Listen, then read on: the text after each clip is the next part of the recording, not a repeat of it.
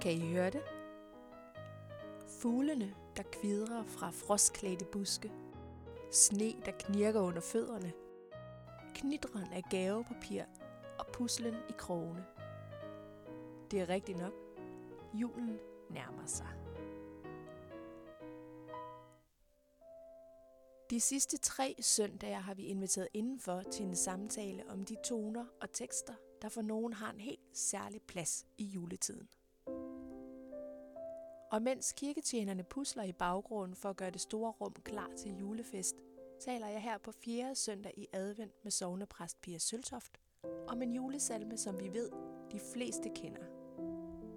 Og som vi tror har en særlig plads i mange kirker, hjem og hjerter til jul.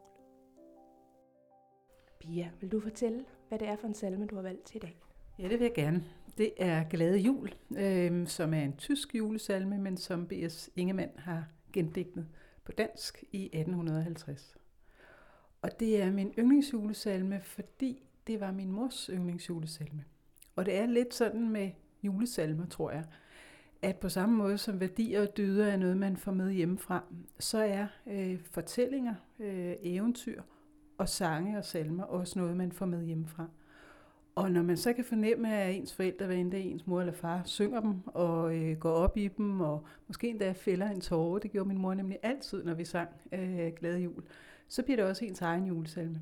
Øh, en, ens egen yndlingsjulesalme. Øh, så det er først og fremmest derfor, det er det. Og altid har været det, øh, lige fra jeg var helt lille, og jeg ikke overhovedet vidste, hvad den betød. Øh, men øh, egentlig bare tænkte, at det var sådan en flot melodi. Øh, og så når man, når man så bliver ældre, og som jeg har læst teologi og bliver præst, så begynder man også at tænke over indholdet. Og også det øh, kan jeg sagtens øh, være med på som, øh, som en yndlingssalme, fordi den ikke er... Ah, der, er ikke der er ikke for mange små engle øh, og blå stjernetæpper og alt sådan noget, som Grundtvig er rigtig glad for. Øh, men Ingemann er derimod, han er jo faktisk slet ikke teolog.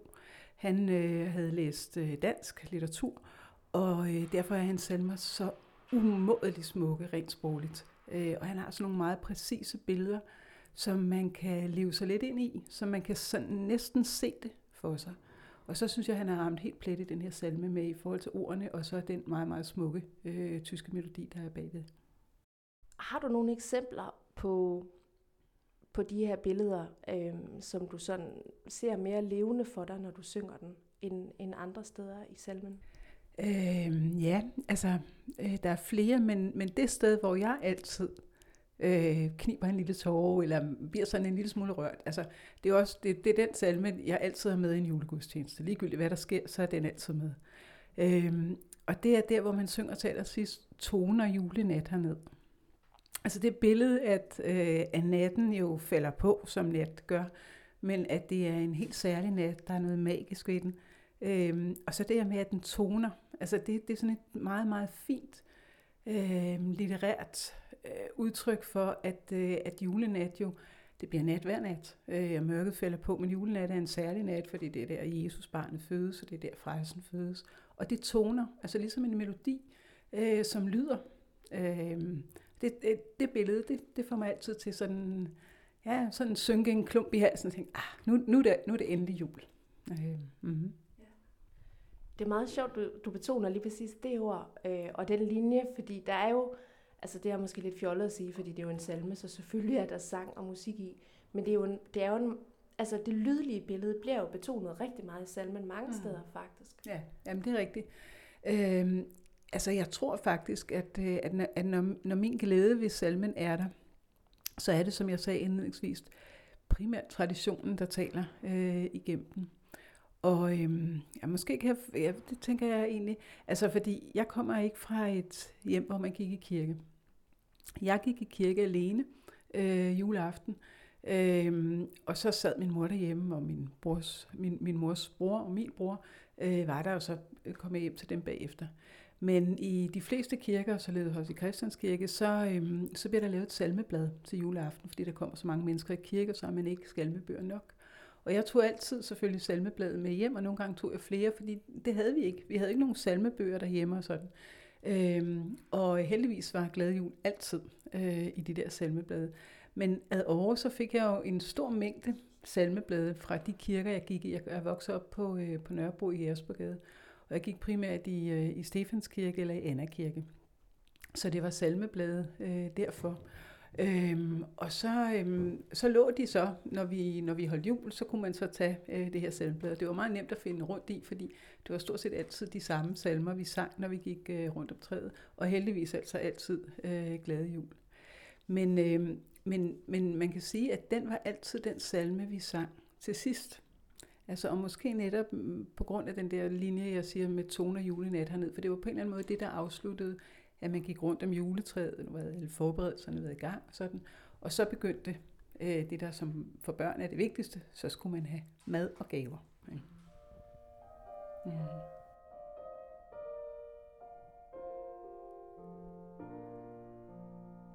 Så det her med, at det var din mors yndlingsjulesalme, altså er det, er det i virkeligheden dig, der bragte salmen ind i huset, så at sige, eller eller, eller hæftede du dig så meget ved den, fordi det måske var en af få salmer, hun selv kunne finde på at synge? Eller, eller hvordan tror du? Nej, øh, min mor kendte den, øh, og øh, selvom hun ikke var kirkelig, øh, så kan man sagtens kalde hende religiøs. Altså, og hun, øh, øh hun er vokset op i et kulturkristent hjem, som de fleste er i, øh, i København. Så hun kendte øh, alle salmerne, men øh, lige præcis den salme er jo også en af de salmer, som er oversat til alverdens sprog. Og jeg er født i Sydafrika, fordi min mor og øh, hendes mand emigrerede øh, dertil. Og så øh, sammen med min bror, og så kom jeg til ganske meget senere. Og øh, det vil sige, at hun har holdt jul i Sydafrika i 16 år. Øh, og der var den også altid, øh, var det også altid den, øh, der blev sunget. Øhm, og det var nok den eneste, som hun kendte af de julesange, øh, som, øh, som kom, for det var jo ikke danskere, hun holdt jul sammen med, det var sådan set folk fra, selvfølgelig hendes mænd og, og børn, men, men ellers så var det folk fra hele verden, som øh, hun, hun var sammen med sin mand udstationeret på et hotel, øh, hvor de lavede lys og gjorde rent og sådan noget. ting. Og det var jo folk fra hele verden, øh, som var der. Så det var de store julesange, som kunne oversættes til alverdens sprog. Og der øh, tror jeg, at hendes forkærlighed for Glæde Jul begyndte, fordi den kendte hun øh, derhjemmefra, og så kunne hun synge med, selvom hun faktisk ikke kunne et ord engelsk, og ikke blev særlig god til det af at bo der i 16 år.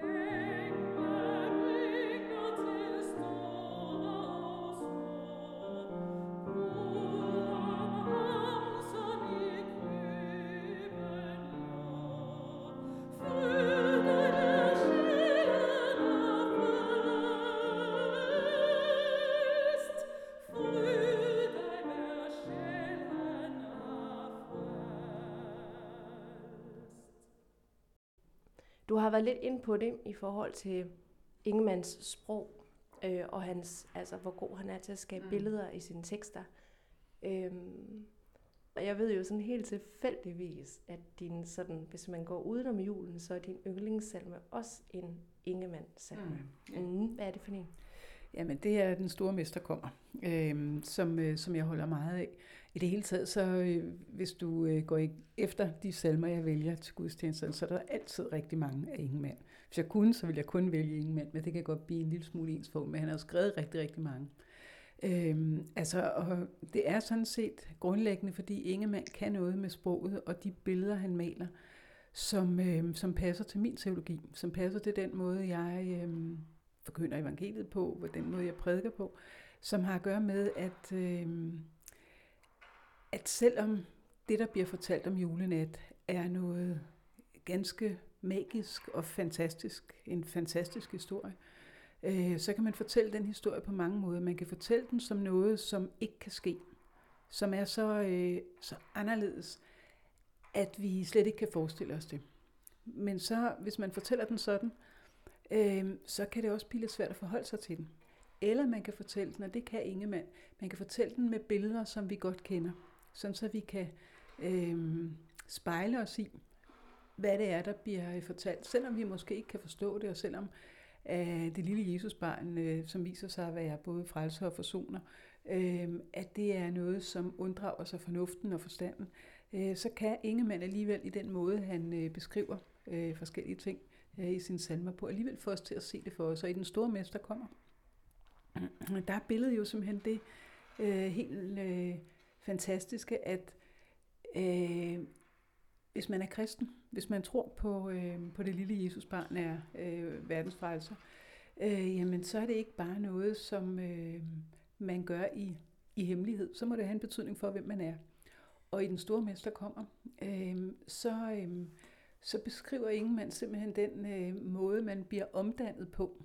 Øh, som om, at man, øh, at, man, øh, at man næsten fysisk tager en anden form.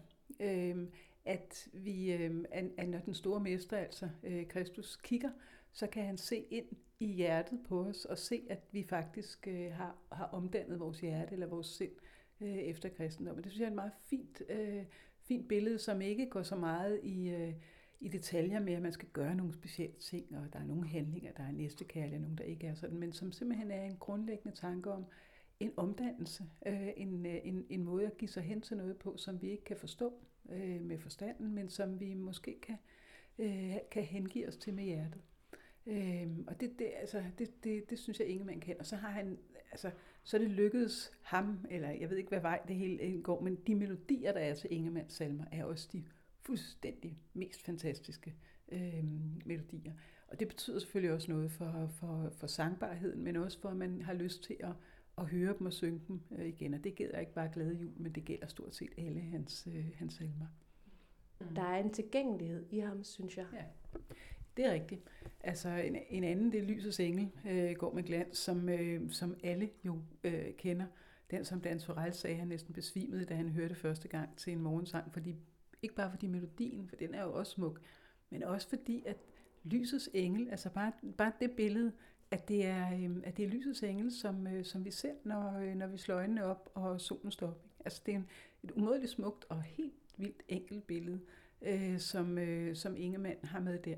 I Glade Jul, der har han jo ikke helt frie tøjler, fordi der oversætter han øh, en tysk salme, så selvfølgelig har han, øh, har han gjort sit for at gøre den til sin, men i Lysets Engel, så går han helt amok. Ikke? Altså, fordi det kan han øh, med alle de øh, metaforer og så videre, som, øh, som han kan få på banen. Men jeg synes, det er det, jeg sagde med, at, øh, at hans salmer, de, øh, de henvender sig til vores erfaring.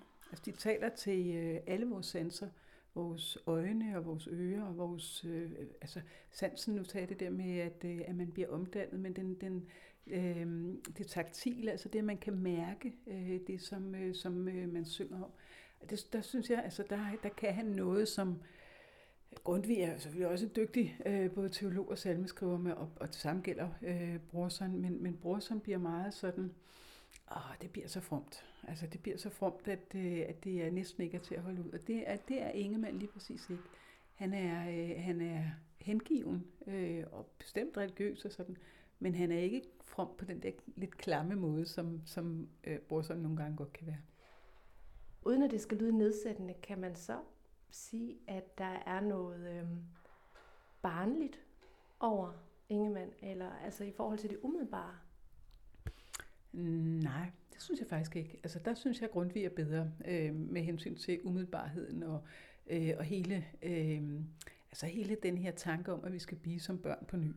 Øh, der, der synes jeg egentlig mere, at det, det er Grundtvigs øh, salmer, både julesalmer, men også øh, i almindelighed, som meget i tale sætter det aspekt. Øhm, hvor jeg egentlig tænker, at, øh, at Ingemann faktisk, øh, selvfølgelig lægger han vægt på Gud som far og skabelsen osv., men, øh, men han er god til at få hele øh, natur, øh, metaforikken, altså med sol, måne og stjerner osv., med ind i, så det bliver skabelse for, for fuld udblæsning, øh, når man synger Ingemands øh, salmer.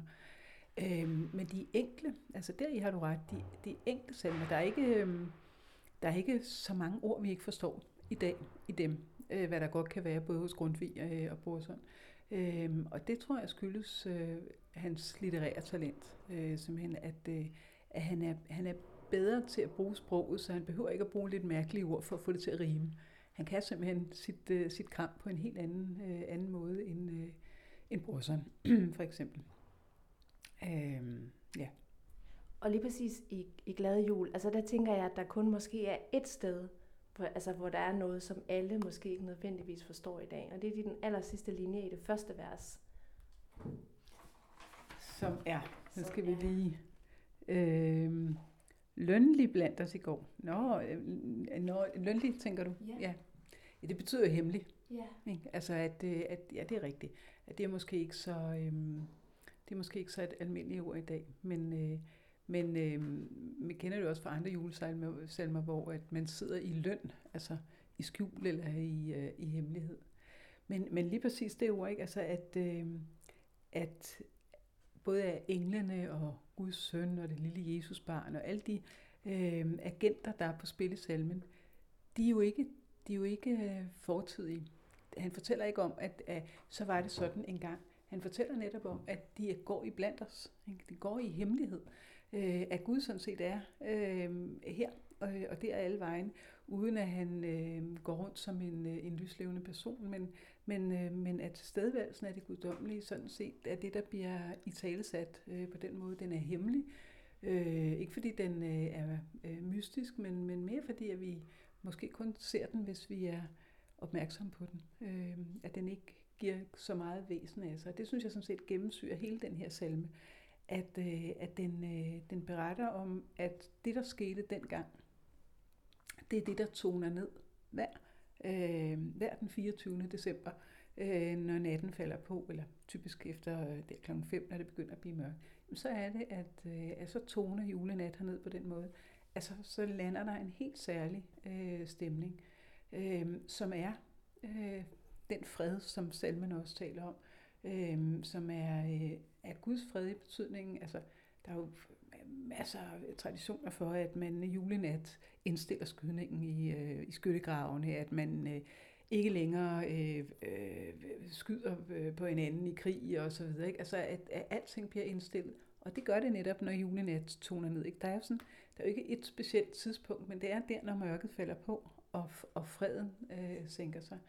Øhm, og det sker jo hver, hver den 24. Ikke? I år er det 2023. gang, Øh, gang, øh, at, øh, at, øh, at vi oplever det. Det synes jeg faktisk er en meget, øh, en meget fornem måde at nutidiggøre noget, der er sket for så længe siden. og, og uden at sige det, og uden at lave en stor teologisk udredning på det, så, så, så, så, så med, med ganske få virkelige midler beskrive, at, øh, at, det, at det sker endnu, at, at det er stadigvæk er midt i blandt os. Jeg tænker, at det er verdens smukkeste slutnote, Pia. Ja. Men jeg vil så nødig øh, mm, gå herfra, hvis du har noget, du, noget mere, du gerne vil fortælle. Er der et eller andet, du, øh, du synes, vi skal have med, før vi, før vi lukker ned? Hmm.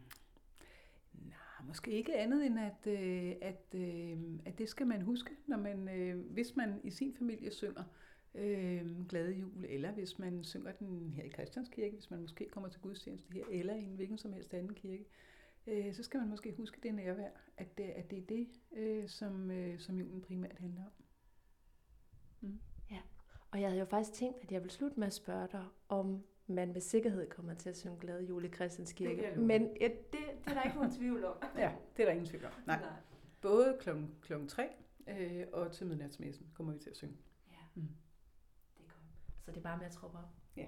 ja. Mm. Fred på jord. Fryd på jord. Sådan begynder Ingemann sit tredje vers i Glade Jul. Og nu, hvor fjerde og sidste afsnit i Christianskirkes adventspodcast lakker mod enden, er der bare tilbage at sige, at vi håber, det bliver freden og fryden, som fylder hos jer alle, når det lige om lidt bliver jul. Gæsten i dette afsnit var sovnepræst Pia Søltoft.